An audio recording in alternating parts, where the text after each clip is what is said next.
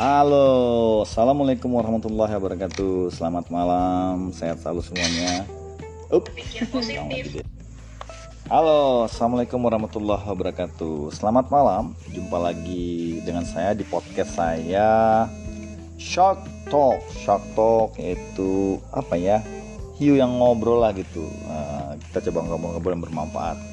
Jadi obrolan kita ini kita coba menggali mungkin barangkali minat, bakat atau motivasi yang bisa disampaikan buat teman-teman di sana yang barangkali apa namanya bingung sih saya mau ke mana gitu apa yang mau saya lakukan. Depan saya sekarang lagi sibuk nih editor Willy Kibu kebetulan kita sedang uh, mencoba membuat sebuah apa film pendek gitu ya dari Tiger Shark Movie. Nah ini juga bagian dari kreativitas sebenarnya mengisi waktu di mana daripada kita tidak melakukan apa-apa lebih baik kita berbuat kreatif siapa tahu ini bermanfaat dan bisa wah bisa viral lah ya. Nah, oke di sebelah saya duduk seorang gadis cantik tinggi semampai. Dia selain seorang murid di Tiger Shark dia terlibat juga loh dalam film ini. Nanti bisa kamu lihat tonton filmnya ya. Uh, dan dia adalah seorang model. Namanya? Aku Rafa Mutiara Putri, biasa dipanggil Rafa. Rafa Mutiara Putri biasa dipanggil Rafa. Dan sebelahnya ada seorang fighter yang kalau di nasional udah sangat terkenal banget ya dengan permainannya yang cantik lah. Pokoknya siapa sih yang nggak kenal abang bertato satu ini? Namanya?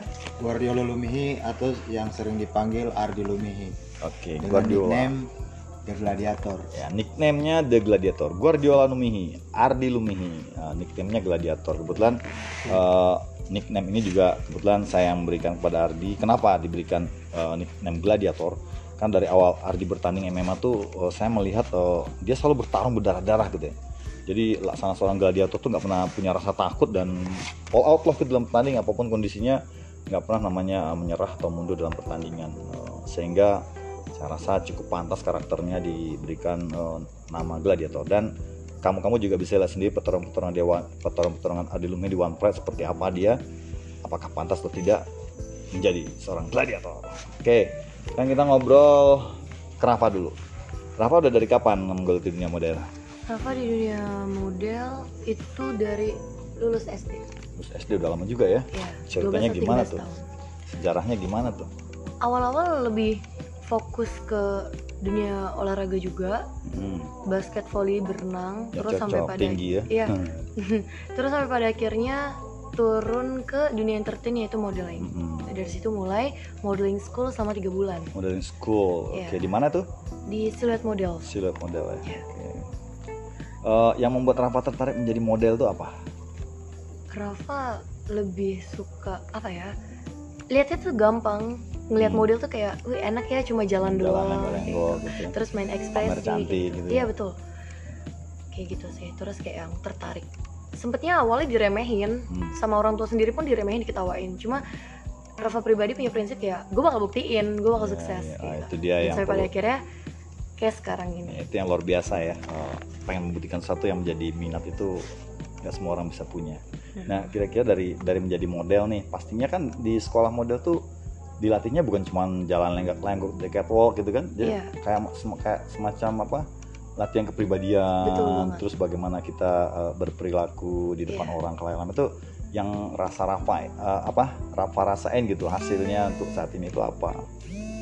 Banyak sih eh, terutama lebih ke yang harus lebih tahu gimana cara nyikapin karakter orang kan banyak banget tuh Hmm, lebih tahu sih kayak oh karakter dia kayak gini Rafa harus kayak gini iya. karakter ini- orang ini kayak gini Rafa harus kayak gini kayak gitu sih Jadi itu belajar membaca karakter orang juga. Iya, gitu. Jadi betul. bagaimana menyikapi dia karakter. gitu. bener banget Jadi kayak kita belajar apa namanya menyiasati kalau orang ketemu orang gini, oh saya harus gini nih, ketemu Iya, orang iya. oh gitu ya. iya Itu diajarin dia di sekolah gitu ya. iya itu diajarin juga Oh gitu. Selain itu apa aja? Kayak misalnya cara makan, biasanya gitu diajarin nggak? kalau cara makan itu lebih kalau misalkan untuk ke pigeon pigeon ya kalau Hmm. Rafa belum turun ke pigeon tapi insyaallah bakal doain Wah, yes, oke.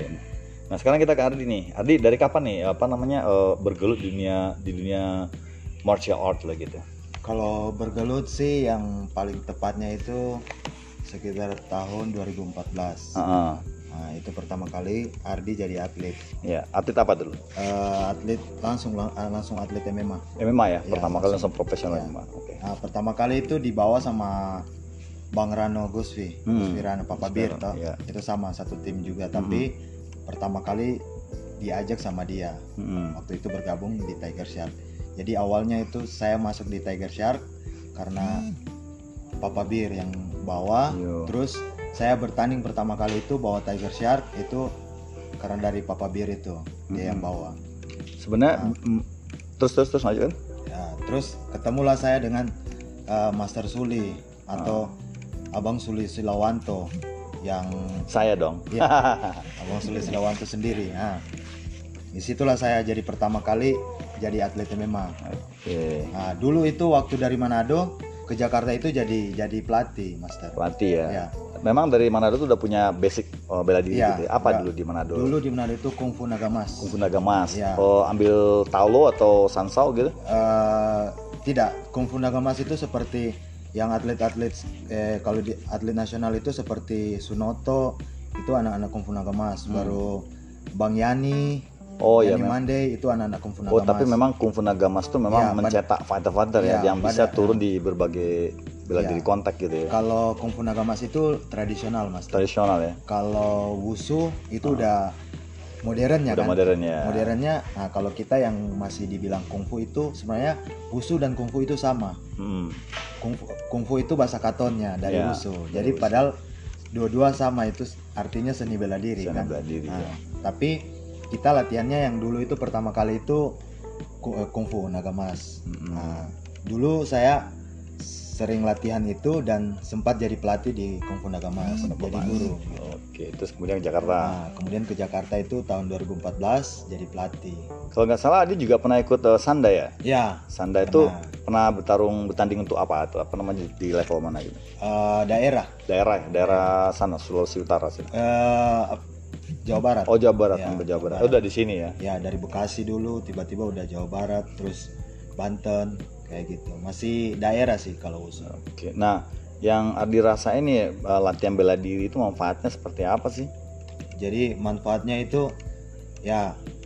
Jadi begini, Ardi itu dulu kalau di Manado itu, kalau mau bilang kata kasarnya itu orang nggak benar lah. Mm-mm. Jadi kita eh, kalau kata Orang nggak bener nih apa nih maksudnya? Kalau kata kasarnya itu kita besar di jalan. Ya, preman lah Ya, gitu ya preman, bahasa ini ya. ya. Kalau bahas, kata Bahasa Jawanya kasarnya- preman. kalau bahasa yang kita sering sebut Ya, itu ya, preman. Nah, di sana kita ternyata kalau kita nggak tahu apa-apa, Mm-mm. kita emosi itu kita bisa bisa ajak orang berantem kayak Iya, gitu. betul, betul. Kita nggak tahu apa-apa, kita di jalan itu kita mau berantem sama orang kita Mau modal iya, modal modal nok- nekat dan berani iya, aja gitu ya. modal nekat aja. Jadi kita kalau berantem ya berantem aja. Tapi setelah kita belajar bela diri, latihan bela diri, kita udah merasa jago nih. Kita di jalan itu udah nggak mau berantem. Berarti duluan jadi preman sebelum berlatih bela diri. Iya betul. Nah itu menarik tuh. Eh, yang membuat Ardi tertarik berlatih di Kungfu Naga Emas itu apa sih awalnya? Nah, jadi awalnya itu Kan seorang preman nih, kan kalau preman saya gue jago ngapain gue latihan-latihan begitu Iya. kan? Tiba-tiba bisa masuk situ gimana? Jadi awalnya itu latihan kungfu naga mas itu ah, itu karena diajak sama Paul, Paul Lumihi. Hmm. Paul Lumihi itu waktu itu kan dia pelatih Naga kungfu Emas. naga mas kan. Iya. Nah, dia udah sabuk orange. Sabuk orange itu udah Oh ada sabuknya Iya, juga. udah udah tinggi lah, udah level tinggi itu. Nah, waktu itu diajak sama Paul dan pertama di pikiranku itu Paul masih saudara nih ya? ya masih sepupu sama Paul. Jadi jadi di pertama di pikiranku itu bukan untuk prestasi ya, tapi untuk jaga diri terus untuk gebukin orang di Untuk, jalan. medi- Kayak gitu untuk ya. makin jadi jago gitu. Ya, untuk bisa membela diri. Jadi eh, jadi kita ini preman nih, tapi kalau kita nggak ada isi kan kayak Ya. kayak kurang pede toh. Preman kosong jadi lah ya, gitu ya. jadi harus ada isi, jadi harus ada bela diri. Ah. Ah, itulah niatku yang pertama-pertama kenapa aku- saya tuh latihan bela diri gitu. Jadi Oh, gitu. untuk supaya diri kita itu ada isi untuk bertarung. Oh, kan. tapi setelah itu Nah, setelah itu itu dari 2000 2006 ya, 2006. Nah, setelah 2014 saya ke Jakarta.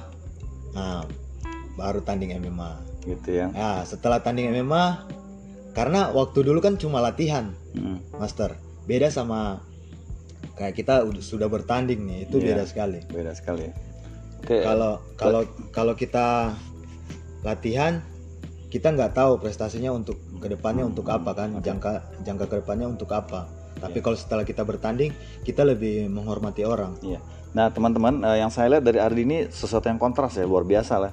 Artinya kalau mendengar cerita dia dulu berasal dari jalanan preman, preman lah gitu suka ngebukin orang jalan kemudian kalau dilihat dari tipikalnya sekarang yang begitu kalau saya bilang eh, halus lah gitu ya ya sangat bertentangan lah dengan apa namanya benar nggak Rafa? iya betul Nah, jadi agak bertentangan ya eh, dengan apa namanya latar belakang dan sebagainya dan dengan sekarang lebih halus gitu. Eh, tetapi saya melihat juga jiwa premannya itu muncul ketika dia bertanding itu. Itu kenapa dia di saya beri nama gladiator. Ternyata di situ apa namanya asal mulanya kenapa dia bertarung itu kayak kayak nggak pernah mau berhenti gitu ya meskipun apa kondisinya sampai sampai benar-benar nggak bisa bangun lah gitu ya. Nah, cuma di situ lihat. Tapi keseharian Ardi saat ini sangat bertolak belakang dengan dengan apa namanya masa lalu dia gitu ya. Kelihatan itu. Nah, apakah ini dari efek latihan bela diri atau gimana Ardi? Eh master, dulu itu saya sempat ditembak polisi. Saya mbak tembak polisi malah. Sempat ditembak polisi. Jadi, nah itulah. Di, prinsip aku, karena kita sudah tahu kejahatan itu di mana gitu, sampai di mana. Jadi setelah kita menjadi orang baik, Hmm. kita sudah tahu itu batas or kejahatan itu sampai di mana. Tapi bela diri inilah yang akhirnya membuat Iya. Ardi menjadi Iya, betul. 180 derajat berubah gitu ya. Jadi respect sama orang gitu. Jadi respect sama orang. Oh, iya, Karena- luar biasa. Karena kita ternyata kita berjuang untuk hidup gitu. Ya, itu ya, susah ya. kan. Bener, bener, bener. Nah, sementara sekarang di luar sana, ini barusan juga lagi rame nih, apa namanya, carok-carokan. Udah berapa berapa kejadian nih kan, Eh, dua sahabat, dua sahabat aja, sahabat baik ini akhirnya saling bacok-bacokan, duel carok dan dua-duanya mati. Ya, terus kemarin ada lagi, saya pikir kan sia-sia kayaknya hidup seperti itu ya. Oke, oh, luar biasa loh cerita dari Ardin itu ada bekas tembakan di betis sama di kaki ya. Ya, se- eh, ini cerita yang Ini ma- ini Master belum pernah Ya. cuma Adrian doang. cerita yang yang kamu nggak bakal tahu tentang Ardi kalau nggak di podcast ini. Jadi kamu harus simak terus nih siapa sebenarnya Ardi Lumihi. Jadi kalau orang cerita seorang fighter MMA tuh nggak bisa bertahun jalan tuh bullshit lah ya, Iya. bohong kosong ya. Ya karena memang saya lihat memang banyak fighter-fighter MMA tuh yang memang justru asalnya mereka dari orang jalanan loh yang akhirnya Makanya saya benci itu yang yang di Lampung itu yang bilang katanya. Karena Iya, apa? iya. Karena kita udah besar di jalan kan maksudnya Iya, kayak begitu udah kayak norak sekali itu udah nggak nggak betul lah. Ya, saya rasa memang begitu banyak sekali fighter-fighter mixed martial art ini yang berasal dari dunia hitam gitu. Tapi mereka betul. justru menjadi baik eh, setelah mereka eh, apa namanya menjadi seorang fighter ya, menjadi menjadi baik lah gitu, tahu arti hidup setelah Iya. mereka menempuh jalan eh, seorang petarung gitu ya. Itu luar biasa bela diri loh. Jadi jangan dianggap remeh para petarung-petarung MMA ini ya. Anda salah sekali ya. Mereka sudah menjalani hidup dunia hitam dan kembali ke dunia putih tapi tetap menjalani uh, jalan petarung sebagai jalan hidup mereka. Jadi jangan pernah anggap remeh. Nah sekarang kita kembali ke Rafa nih.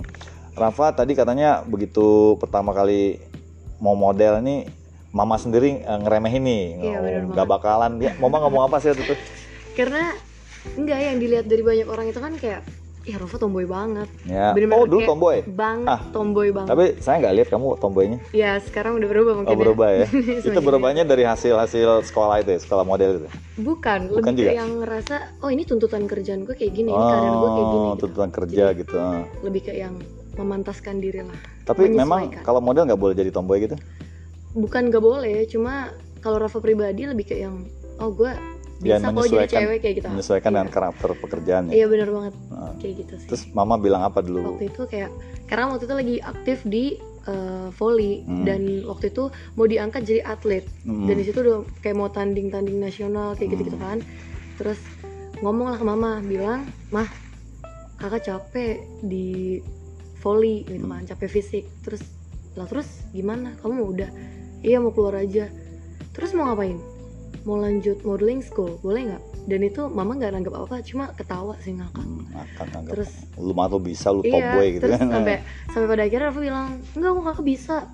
Nanti deh kakak buktiin. Kakak kakak bakal jadi orang kok. Sampai Hmm. bilang kayak gitu. Terus belum mama- jadi orang? Bukan maksudnya lebih ke yang nanti Rafa bakal nunjukin bakal siapa Rafa nunjukin kayak siapa gitu. Rafa iya iya iya. Terus sampai pada akhirnya mama bilang oh ya udah kamu cari tahu kamu mau modeling school di mana nanti kasih tau mama biaya berapa terus ya Oke, udah. akhirnya mama support gitu mama ya. support. Yes. terus sampai pada akhirnya tuh pertama kali Rafa ikut event di Jakarta itu terbesar di Jakarta Trio Model Awards untuk jadi ikonnya kan Rafa pertama kali untuk lomba di sana dan kebetulan Rafa juara satu Atria Model Awards Oh, di iya, kategori remaja putri. Remaja putri. Iya. oke luar Nah, terus dari situ langsung kayak nah nama Rafa up dan banyak desainer yang cari Rafa untuk show. akhirnya sekarang eh, tema job-job Job-job besar alhamdulillah kayak Alhamdulillah Indonesia ya. Fashion Week, iya kayak gitu, Jakarta Fashion Food and Festival. luar biasa ya cerita dua orang ini ya dari latar belakangnya Arafat juga dari dari latar belakangnya tetapi eh, yang paling penting di sini adalah eh, mereka bisa memberikan kalian semuanya motivasi sebenarnya kalau sesuatu itu diseriusin bakal bisa jadi gitu ya Benar hidup. ya artinya nggak nggak semua apa yang kita lakukan tuh awalnya orang suka gitu kan Iya, pasti ada dan caci maki Ya. cemeh ya kan dianggap remeh tetapi ya itulah sebenarnya yang menjalani kan diri kita sendiri bukan orang ya Betul. kalau menurut saya begini sebenarnya semakin orang banyak mencaci maki itu ya harusnya semakin jadi ya, sebuah pemicu buat kita buat kita Iya. mampu kepentingan lu lihat aja lu gua- kalau gua udah sukses gitu kan Betul. Nah, dan rata-rata itu bisa membuat apa namanya kita menjadi tough dan kuat dan tangguh gitu ya. tapi ngomong-ngomong Rafa kalau dulu tetap mengambil karir di apa namanya di bola voli pun sebenarnya dia bakal bisa jadi model juga. Karena saat ini loh ya lagi viral loh voli voli yang cantik Iya, cantik bener ya di Rusia Korea Jepang itu mereka semua viral ya. Iya. dan akhirnya banyak produk-produk juga yang ngambil mereka jadi model gitu ya. Betul. saya rasa kalau Rafa dulu tetap di volleyball juga akan larinya ke model juga. Karena secara performa dapat banget lah. Cantik tinggi wah pokoknya luar biasa.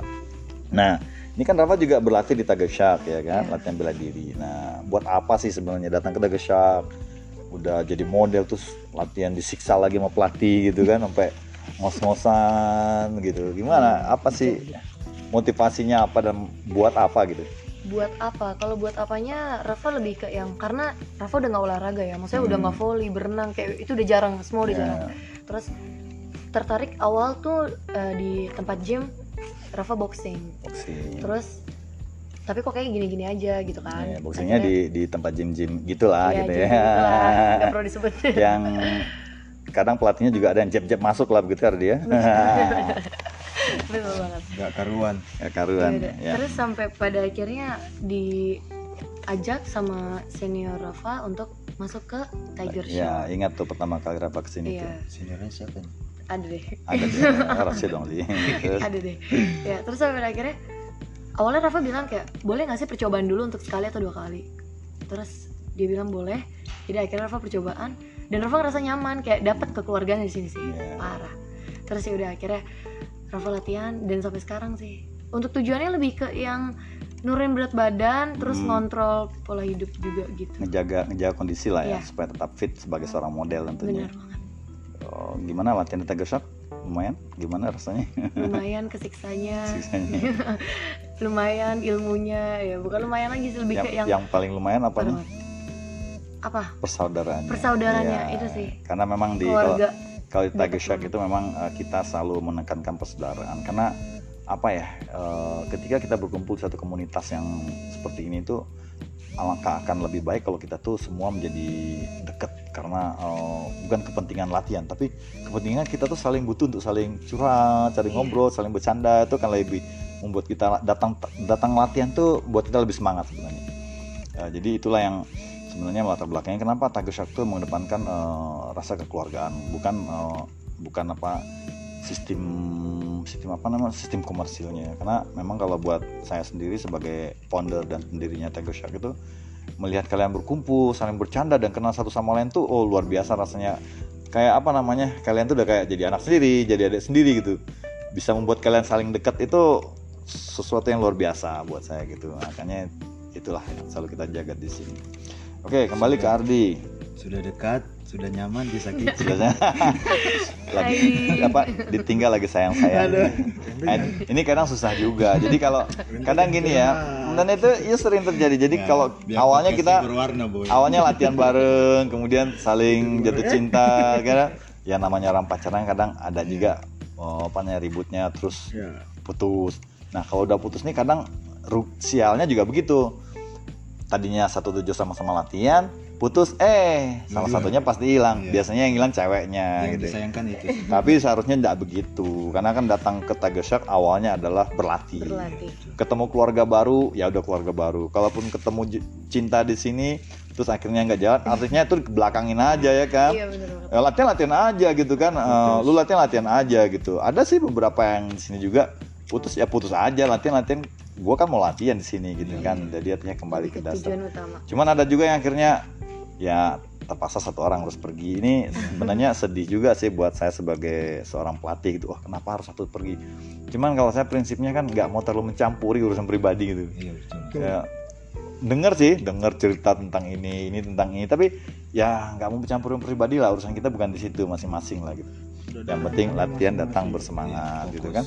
Fokus latihan kembali latihan gitu kan. Lupakanlah masalah memang tetap bertemu sih ya uh, as a friend aja kan gitu kan Iya betul. sebagai keluarga Tagosyak Oke Ardi ini kan uh, dalam kondisi pandemi ini kan uh, kayak kemarin tadi udah persiapan Iya. mati-matian ya nurunin Iya. berat Sudah dua kali batal toh? dua kali dua apa tiga ya Eh tiga. tiga kali pembatalan Iya pertama dari bulan Juli, iya eh Juni, terus pindah di Juli, Juli terus Dua Agustus kali juga, Juli, ya. ya. Terus Agustus kickboxing nggak gimana rasanya begitu pembatalan terakhir lah gitu rasanya kayak apa sih jadi. Rasanya tahu nggak, Master? Ah, kayak tinggal lagi sayang sayangnya Lebih parah dari itu. Lebih parah dari Oh, itu. gitu. Gue kalau diputusin sama cewek nggak masalah, tapi kalau masalah mau tanding itu sekarang udah kayak Iya. kecanduan gitu kita mau tanding. bener Pak. Eh, tahu jadi uh, sangat sakit sekali rasanya. masalahnya kan kita atlet profesional, Mas. ya profesional kita persiapan kita ya, kita cari duit di situ. Terus eh, ya memang eh, apa udah udah terbiasa dengan profesional kan. Jadi Udah disiksa ya, hari jadwal ya profesional jadwal ya kan. Jadi wah udah tahu ini tanding ini pasti kan kayak gitu. Ya, ya. Nah, pada saat ini pandemi terus gagal karena masalah apa? Corona. Protokol ya? Protokol. Iya. sebenarnya ada dilema juga di sini jadi ada beberapa acara yang orangnya Yang justru iya, rame gitu ya justru rame di rame. TV lagi itu justru dibolehkan gitu Iya. sementara eh, pertandingan One Pride yang jelas-jelas protokolnya udah ada gitu kan eh, pemeriksaannya juga swab gitu kan kemudian tanpa penonton wasitnya juga pasti pakai masker pendampingnya cuma satu orang dan luar biasa loh itu dila- dilakukan di ruangan tertutup hanya kru-kru yang bekerja saja malah nggak boleh gitu kan Nah, tapi memang saya pikir next kalau One, One Pride mau melaksanakan itu harus diyakinin bener ya yakinin. Bahwa ini bakal jalan gitu ya. Nah kickboxing juga kemarin kita gagal Iya. kan. Udah latihan juga gagal juga mau turnamennya. Ya tapi kita nggak bisa salahkan memang Iya. kondisi seperti itu. Dan Kondisi seperti. Kem- kadang kondisi eh, politik di negara kita juga kan nggak menentu gitu. Jadi ya yang penting kita tetap berlatih aja gitu. Kira-kira apa namanya kecewa pasti ya tapi apa namanya keinginan untuk terus berlatih pasti ada dong ya. Iya betul. Oke. Nah, kembali ke Rafa. Rafa nih, apa namanya? eh, kira-kira eh, goalnya Rafa nanti ke depan di dunia model ini seperti apa? Mau apa? Mau jadi apa? Apakah mau jadi Miss Indonesia atau Miss Universe? Wah, Gimana? Pasti ada goalnya dong. Ada Kan kita mimpi bola tinggi ya. iya bener banget Ya. kalau Rafa pribadi Rafa goalsnya Rafa udah ngebawa nama ke Putri Indonesia aja sih Yang kita saya Putri Indonesia. Putri Indonesia karena Putri Indonesia kan nanti bakal ke kalau misalkan jadi Putri Indonesia itu bakal ke Miss Universe kan Pasti pasti perwakilan negara iya ya. benar banget cuma kalau misalkan untuk mewakilin salah satu daerah ke Putri Indonesia aja apalagi Rafa sendiri kayak mungkin bawa Jawa Tengah atau mana gitu kan itu udah kebanggaan tersendiri sih sampai Iya. situ aja Rafa kayak ngerasa ini goalsnya Rafa Tapi udah pernah, udah pernah ikut. belum karena umur belum cukup Oh, sih. belum cukup. iya Sekarang umurnya berapa? sekarang 18 Tingginya berapa?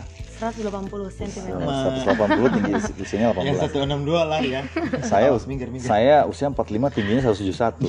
Saya pikir masih bisa nambah tinggi lagi. Adi berapa usianya? usia 30 Tingginya semeter kotor. ya mungkin kita masih bisa tambah tinggi ya. Kibo beratnya berapa? Lo kok berat? Kalau Kibo, jalan. kalau Kibo jangan tanya tinggi, tanya beratnya aja. Gitu. Oh, jadi goalnya nanti pasti Putri Indonesia ya. Iya. Tapi ada keinginan untuk itu ya. Untuk itu sih Jadi mas eh, berapa sih batas usia minimalnya? kan kalau misalkan karena Rafa kan 18 itu kan baru tahun ini Hmm. sebenarnya tuh udah dari 2016 Rafa udah diajakin cuma emang umur Rafa kan masih kurang kan Hmm. jadi minimal itu 18 tahun 18 tahun. Berarti Iya. tahun ini bisa dong. Eh, tahun, i- depan ya. tahun depan karena kan ini masih pandemi kan Iya, iya, itu iya. sih Tapi tahun depan mudah-mudahan udah bisa berjalan. iya insya Allah Oke, sih sebenarnya dukung. emang planningnya tahun ini Oh, Tahun kita ini. dukung. Eh, kalau Rafa jadi Putri Indonesia jangan lupa ya Tagosak dipromosiin ya. pasti Di sini dong tempat latihan saya nih keluarga-keluarga baru saya gitu ya kan ya. Pasti, Jangan lupa ya. Raja Indonesia. Kali aja putri-putri yang lain mau mulai tema kita, Bo. Wah, Kibo betah ngedit video di sini. kalau kalau apa dia jadi itu pasti IG ku full, Facebook ku full, mukanya dia. Iya, iya Pokoknya dong. dia. Ya, Rafa. pokoknya kita kita doakan yang terbaik. Eh, artinya segala sesuatu tuh boleh kita cita-citakan. Nggak, nggak, ada salahnya kita bermimpi, nggak ada salahnya kita punya cita-cita. Yang penting jangan sa- sampai mimpi itu cuma dibuat tidur aja. Artinya ketika kita mimpi bangun ya kita kejar mimpinya gitu kan. Iya. Kalau mimpi cuma dibuat tidur aja ya, ya mimpi terus gitu nggak bakal dapat dapat gitu. Jadi teman-teman ini luar biasa ya motivasi dari teman-teman yang ada di sini Rafa dan Ardi ya. Eh, kalau kamu menyimak pembicaraan ini saya rasa ini bisa menjadi sebuah apa namanya memotivasi diri kamu untuk menjadi lebih ke depan. Master nggak tanya gol aku apa? Oh iya iya baru mau nanya. Ini baru mau nanya belum selesai ini. gitu ya. Kan bukan pemain bola. Tenang, itu sudah ada di pikiran. Masa cuma nanya gol? Ini kan tamunya dua, ya kan? Jadi sabar ya. Jadi bola nggak usah kita kan harus memberikan ke teman-teman pendengar dulu kita supaya apa motivasinya. Nah sekarang kita ke Ardi. Golnya Ardi mau seperti apa? Jadi Ardi kan dulu pernah ikut One Championship sebenarnya, cuma iya, gagal karena lawannya cuma mundur ya. lawannya, Iya, lawannya sakit. Itu di turnamen apa bukan ya waktu itu? Eh, turnamen ya? Enggak, bukan. Bukan ya? Buat alternatif. Jadi eh, lawanku sakit, tapi saya dibayar juga. Iya iya pasti dibayar. Iya, Yang lawannya yang nggak dibayar begitu. iya. Saya dibayar karena eh, tuntutan kesehatan Ya. masuk. Ya kontraknya memang begitu kalau di- Iya. di internasional. Jadi eh, meskipun kita nggak jadi bertanding, kalau kita fighter yang siap itu kan dibayar. Tapi kecuali yang mundur itu nggak akan dibayar. Yang gagal menit itu nggak dibayar. Nah, golnya ke depan apa? Nah, jadi saya tuh punya goal. Kenapa saya selalu bertahan latihan itu apa? Karena saya pengen juara nasional dulu di betul. Jadi kebanggaan sendiri kalau kalau kita punya sabuk, Iya. punya sabuk nasional. Hmm. Karena saya kan mewakili Sulawesi Utara kan, Iya, iya. Manado kan, kebanggaan sendiri gitu. Hmm, betul, betul. Jadi bukan cuma abang sepupuku yang ada sabuk, tapi Iya. adiknya juga bisa gitu. Tapi sudah berapa kali ikut title belt perebutan sabuk? Kalau perebutan pernah, sabuk di One Pride belum? Oh belum pernah ya? Iya, belum Kalau kemarin rencananya mau dikemudikan sama Gunawan ya. Iya. Mudah-mudahan setelah ini berjalan semua bisa ketemu dengan Gunawan. Iya, Karena Ardi udah persiapan cukup baik loh. Secara teknis stand up atau ground. Gunawan hati-hati. Karena apa? Kebanggaan sendiri gitu. Apalagi kan ke depannya ya saya pengen jadi pelatih kan. Mas. Iya pasti pasti. Terus kalau misalnya kita pernah ada title kan, Ya, itu bisa dijual. Ya, itu bisa dijual juga. Terus Iya. apalagi kita melatih bagus, kita bisa kasih lihat latar belakang juga kan, kayak gitu kan enak kan dilihat. Tapi sekarang kan Ardi juga selain jadi fighter juga eh, ngelatih ya di Iya. beberapa camp, kemudian private private. Karena memang itu yang apa menyambung hidup. Ya menyambung hidup. Ah, hmm, bicara tentang pelatih nih. Nah menjadi pelatih private nih menurut, menurut Adi eh, eh, prospeknya gimana? Prospeknya? Prospek ke depan bagus. Kalau yang yang penting kita apa rajin rajin Hmm, hmm. upload di itu IG kayak gitu di Facebook cari-cari member lah.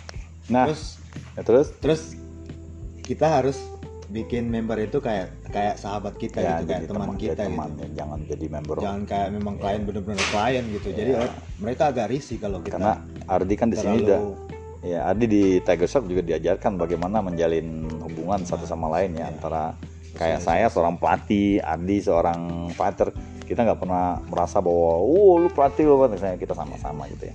Pada saatnya latihannya kita latihan. Eh tapi nih masalah latihan private nih yang paling kesel nih. Saya juga kesel sebenarnya. Artinya eh secara eh, saya sendiri yang udah punya nama punya karir bagus di Iya. bela diri apalagi di MMA dikenal orang lah siapa sih yang kenal MMA gak kenal saya gitu Iya. tetapi masih kalah loh sama yang pelatih pelatih yang ya yang sering di di, di posting di Facebook yang latih jab jab masuk Nah, yang iya. paddingnya nggak jelas nggak keren tuh tuh Yang dibayar mahal loh ya gimana iya. tuh menurut Ardi tuh pelatih yang banyak asal-asalan. Kulihat eh, tadi mereka apa posting di Grapple Receh. nah, Nah, itu yang ngepadnya itu asal-asalan banget, Master. Jadi iya Grapple Racer nih Mac dojo-nya Indonesia ya ya gitu. Dia mencari mencari kesalahan, tapi memang benar.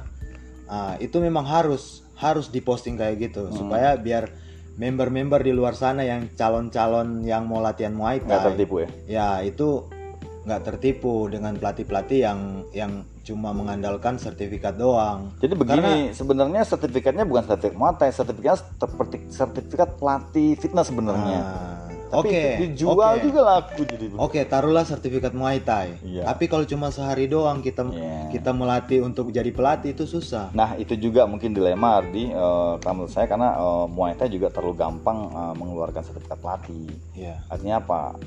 Itu tanggung jawab loh. Gitu kan. Iya. Kalau kita membawa Muay Thai gitu, kita mensertifikasi seorang pelatih itu bukan karena dia bayar terus terus kualitas juga kita harus eh, apa harus kita perhatikan. Jadi kalau memang dia mau ambil sertifikat pelatih ya dia harus dibekali dengan ilmu kepelatihan Muay Thai yang baik dan benar. Nah ini juga kadang dilema juga di di, di Indonesia ini ya banyak juga yang eh, apa eh, yang mengeluarkan sertifikat itu hanya sekedar ah lu bayar dua setengah juta pelatihan Iya. sertifikat terus udah dapat sertifikat dan dia bisa berkeluyuran lah gitu cari-cari member gitu Padahal Juga. cuma sehari doang pelatihan. iya nah ini kasihan teman-teman yang sudah berpengalaman yang memang belum punya sertifikat tapi punya kemampuan yang tinggi akhirnya kalah sama mereka ya nah ini kayaknya ini perlu diperbaiki ya Iya. dari para teman-teman Muay Thai khususnya karena kan yang lagi rame Muay Thai gitu kan Kalau saran saya sih Master buat teman-teman yang ingin latihan Muay Thai itu cari tahu dulu latar belakangnya pelatihnya. Dia lebih Iya. bagus dia kalau dia bisa melatih terus latar Iya. belakangnya itu fighter. Masalahnya gini atlet. loh, nggak semua orang tuh yang paham dengan bela diri. Jadi mereka tuh hanya ikut-ikutan lifestyle, bener nggak? betul Jadi, oh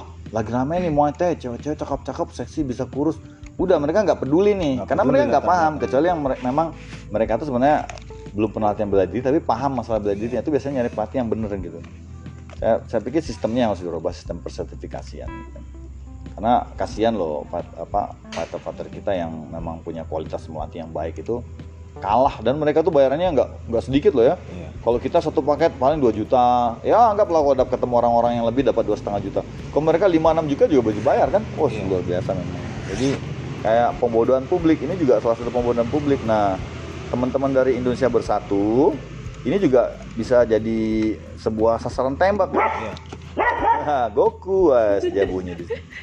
Oke, sasaran tembak Iya. sebenarnya untuk Bela diri untuk- bersatu. Iya, jangan. Ini kan pembodohan publik Iya. juga namanya kan. Iya, makanya kan Kasihan. yang yang pelatih-pelatih yang asal-asalan itu kan sekarang dimasukkan masukin ke grappler Saya rasa gini, kalau kemarin teman-teman berani ke Lampung gitu ya, saya rasa juga kita harus berani nyamperin tuh pelatih-pelatih kroco itu, pelatih-pelatih coro itu kan. Karena kalau nggak gitu, itu merusak citra pelatih bela diri sebenarnya, Iya, betul. ya kan? Jadi teman-teman nih, dasaran ini bukan bukan manas-manasin ya, waduh itu si Goku. Nah. Bukan manas-manasin ya, tapi memang harus sih kalau kalau memang ada di dekat eh, di dekat anda pelatih yang kayak gitu samperin aja gitu, bila perlu ajak fight sekalian gitu, karena Tapi ini sangat merusak. gini eh, Master Suli, kalau itu juga kadang tergantung dari kliennya. Hmm. Kalau klien udah nyaman gimana, Iya kan? Iya. Soalnya begini, mereka mereka latihan nih, terus mereka udah nyaman dengan pelatih itu, itu susah juga Ya, Master. yang kita cari kan Ah. bukan kliennya sebenarnya. Pelatihnya Nah. ini yang harus kita kasih pelajaran. Dan dan kliennya juga harus dibilangin gitu, kita harus cari.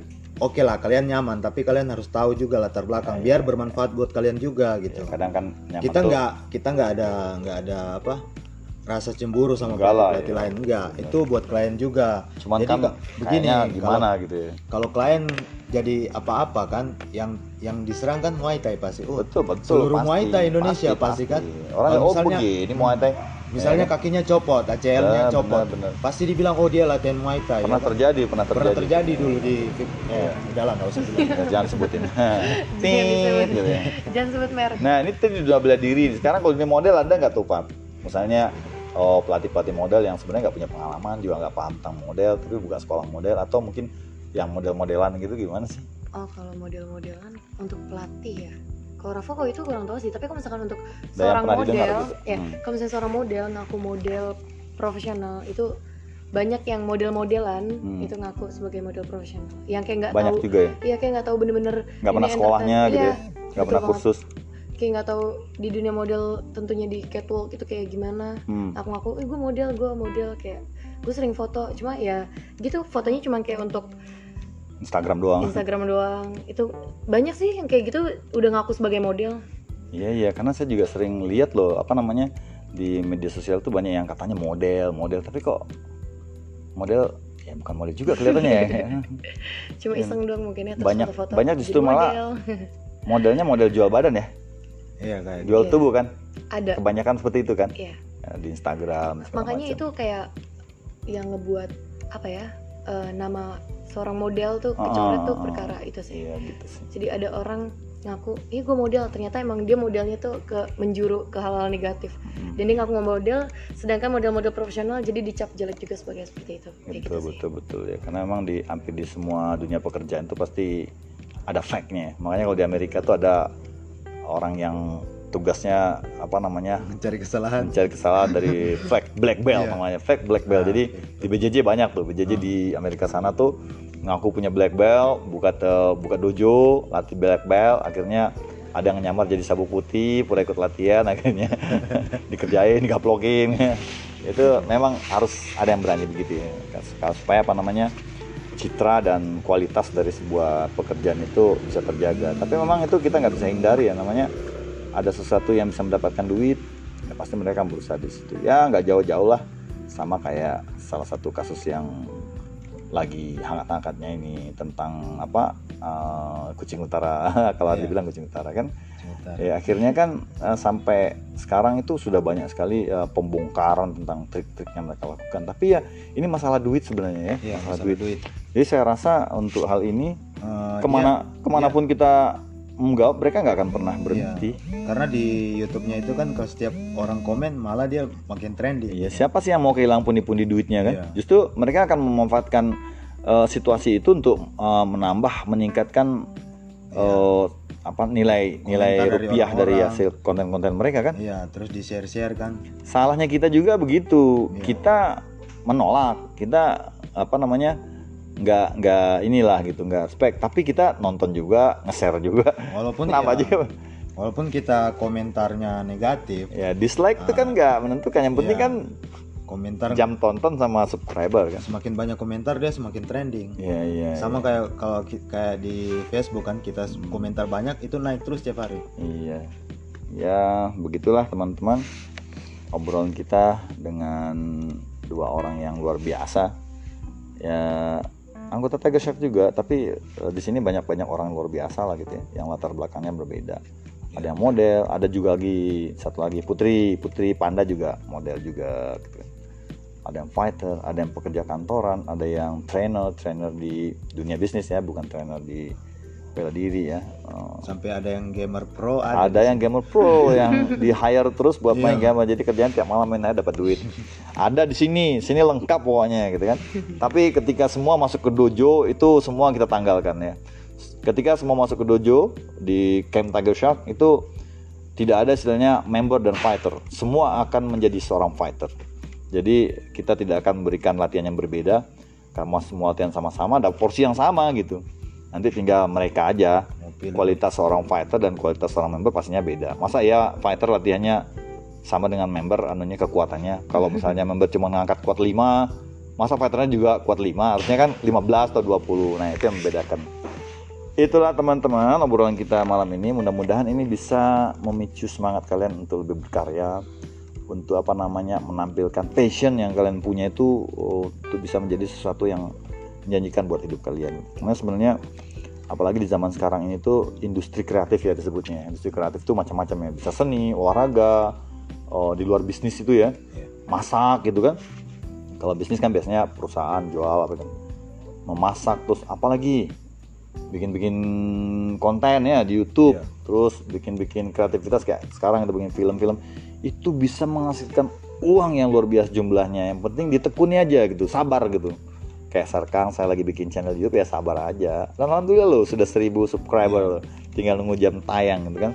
Eh, semua Jangan di lupa jam nonton ah jangan lupa ini. nonton. Malam ini tayang juga film kita. Apa nama judulnya? kita badai. Badai. Inilah mereka adalah pemeran-pemerannya. Semua sih Master dalam hidup ini apa pun yang kita Ya. la- jalani itu kalau kita Ya, fokus ya, tetap akan ya, jalan. betul, betul, betul. artinya semua orang juga punya masalah dalam hidupnya yang penting kita nggak usah ikut campur masalah orang gitu. Nah, lihat kan sekarang kalau Ya. kayak eh, kalau kayak Sigit kan dia main game itu tapi dia fokus kan tiap hari dia Fokus dapat tiap duit. hari dapat duit semalam Iya. 700 ribu dapat ya Nah, tiap hari dia dapat lima ribu, lima ribu. lumayan lah itu Lumayan. nggak usah kerja udah gitu aja yang Dia penting dibayar dibayar sejuta. kalau kalau Adrian bilang yang penting ada tahan lapar saja Oke teman luar biasa pembicaraan kita malam ini ya. Ini sebenarnya podcast nih podcast eh, apa ya saya bilang iseng sih saya bikin podcast ini. Yang ada tanya Ya. Willy pengen tanya juga waktunya udah panjang nih. Nanti aja kita spesial sama Willy setelah film ini berakhir kita akan podcast kembali tentang film ini. Tentunya ada Willy sang editor. Willy luar biasa. Dia editor, dia kameramen, dia asisten sutradara juga. gitu loh. Luar biasa dia. Jadi kita bekerjanya ya begini bareng-bareng gitu. Mudah-mudahan bisa menghibur teman-teman semua. Oke, terima kasih.